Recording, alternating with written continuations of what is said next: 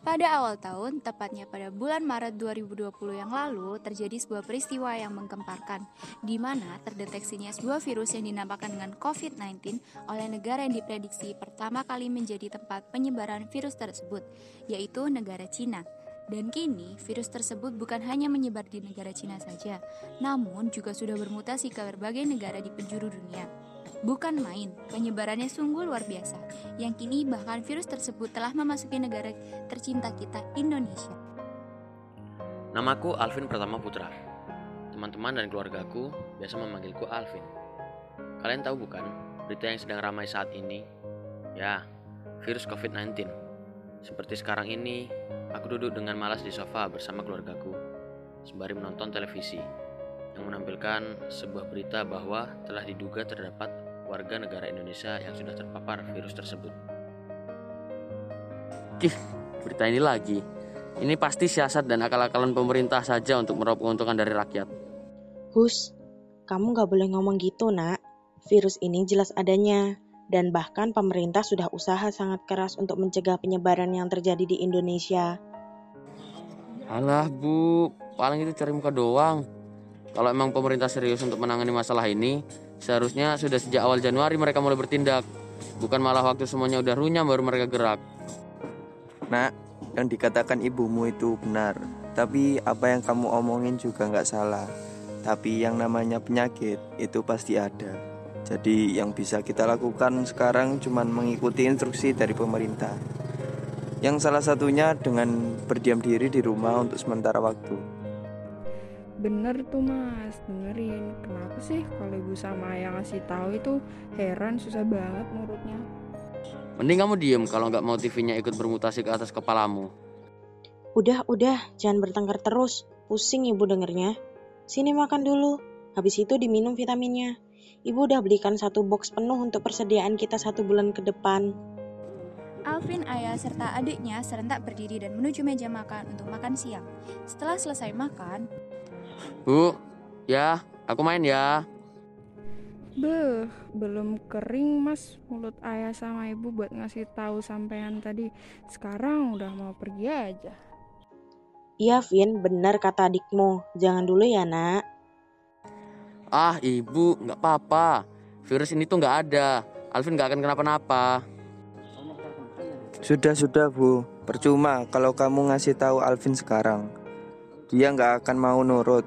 Ya udah, kalau kamu nekat mau main, sekarang minum vitamin sama ambil maskernya dulu. Ya.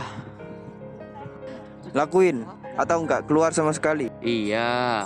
Kemudian dengan terpaksa Alvin pun meminum vitamin dan memakai masker yang sudah diambilkan oleh ibunya agar diizinkan keluar rumah oleh ayahnya. Kemudian ia segera beranjak untuk mengambil sepeda yang terparkir di halaman rumahnya. Nah, nah, nah, nah, nah, nah, nah. Sepi banget nih kampung. Orang-orang pada percaya sama virus ini. Sesampainya di salah satu rumah temannya, Daud, main bola ke lapangan yuk. Eh, Nak Alvin, ada apa? Cari Daud ya? Iya tante, Daudnya ada. Ada, tapi sama ayahnya nggak dibolehin keluar. Belum sempat Alvin menjawab, dari dalam pagar terdengar suara langkah kaki yang diyakini itu Daud yang mungkin sudah hafal dengan suara Alvin dan ibunya yang belum juga masuk kembali membuat ia memutuskan untuk menyusul keluar. Ibu masuk aja dulu, nanti Daud nyusul. Iya, tapi kamu jangan nekat keluar ya. Udah diwanti-wanti sama ayah loh. Siap bu, tenang aja. Daud nggak akan keluar kok. Cuman mau ngobrol bentar sama Alvin. Ya udah, ibu masuk dulu ya. Alvin, kamu ngobrol dulu sama Daud ki sambil duduk sini. Iya tante, makasih. Sini Vin, duduk sebelah gua. Kenapa lo ke sini siang-siang gini? Pasti mau ajak main. Iya nih, gue bosen di rumah terus. Semua pada sibuk sama nih virus. Heran gue, kok pada percaya? Lo percaya? Kalau gue sih netral, percaya juga belum terlalu, tapi nggak percaya juga enggak. Gue cuman berusaha ngikutin apa yang dianjurin aja, buat ada enggaknya virus virusan belakang. Nah, ada temen nih gue. Emang lu swab gue. Yaudah yuk main ke lapangan. Ntar ajak anak-anak juga. Sorry nih Vin, gue emang belum percaya banget. Tapi kan tadi gua juga bilang kalau gua mau ngikutin apa yang mau dianjurin sama pemerintah. Lagian gue nggak diizinin sama yang gua buat keluar. Ah, elu. Terus gue main sama siapa ini? Nggak tahu deh. Coba lu ke rumah Boni. Siapa tahu dia dibolehin keluar sama orang tuanya. Ya udah deh kalau gitu. Gue ke coba ke rumah Boni atau yang lain. Yoi, hati-hati. Oh ya, satu lagi. Lo boleh nggak percaya, Vin. Tapi jangan terlalu nyepelein juga, oke? Iya, lo apaan dah? Ramah banget. Udah ya, gue keluar. Assalamualaikum. Waalaikumsalam. Akhirnya, Alvin pun bergegas ke rumah temannya yang lain, dan kini ia memutuskan untuk pergi ke rumah Boni seperti yang disarankan oleh Daud. Setelah sampai di rumah Boni, Woi, Alpin, ngapain lo siang bolong gini ke rumah gua? Gak panas lo? Apaan? Gue emang semangat terus kalau soal main. Lo gak lihat berita yang lagi rame dibicarain di TV sejak kemarin-kemarin? Alah, gue gak percaya sama itu virus. Gue yakin pasti ini virus cuman konspirasi buat ngisi perut mereka sendiri. Lu lihat kan perut mereka pada buncit-buncit. Kampret lo, Vin. Gua ngomong serius lo nya bercanda. Bikin gue gagal jadi ngangkat kan gua. Ye Allah. Orang yang gue bilang kenyataan juga. Jangan ketemu lu loh. Gimana? Mau main sama gue nggak? Ayolah keluar. Gue bosen banget asli. Daud kagak dibolehin ayah keluar.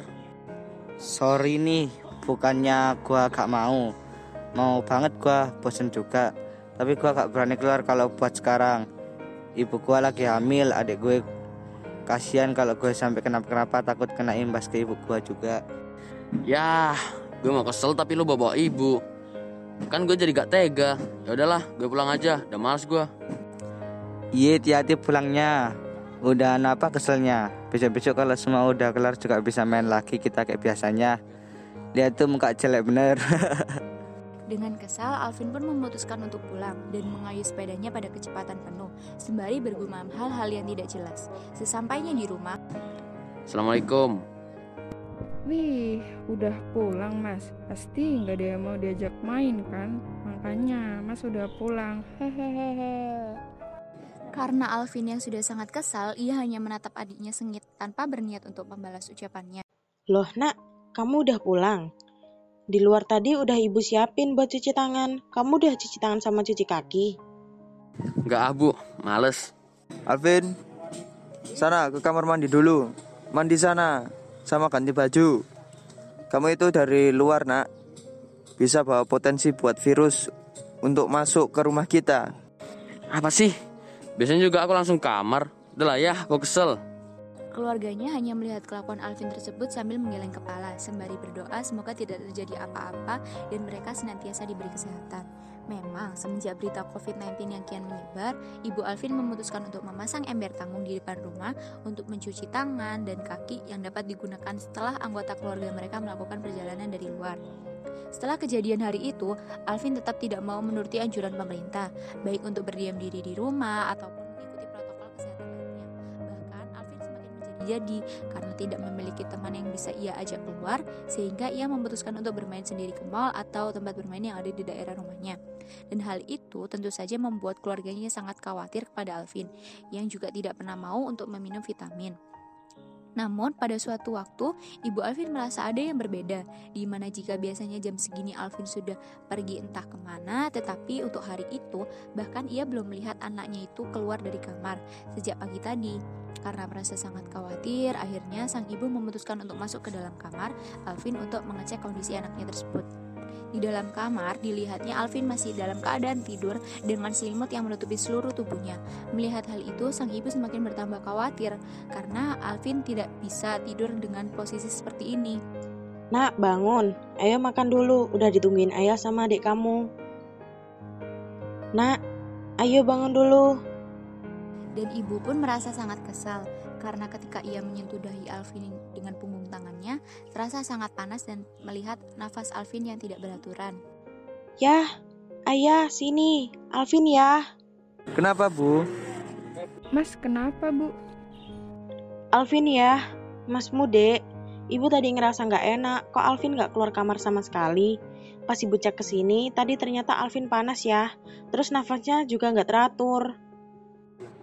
Astagfirullah. Ya udah, kamu tenang dulu ya. Yang paling penting sekarang kita harus segera bawa Alvin ke dokter. Ayah mau siapin mobil dulu. Dek, kamu jagain ibu dulu ya. Iya ya. Akhirnya setelah ayah selesai menyiapkan mobil, ia kembali masuk ke dalam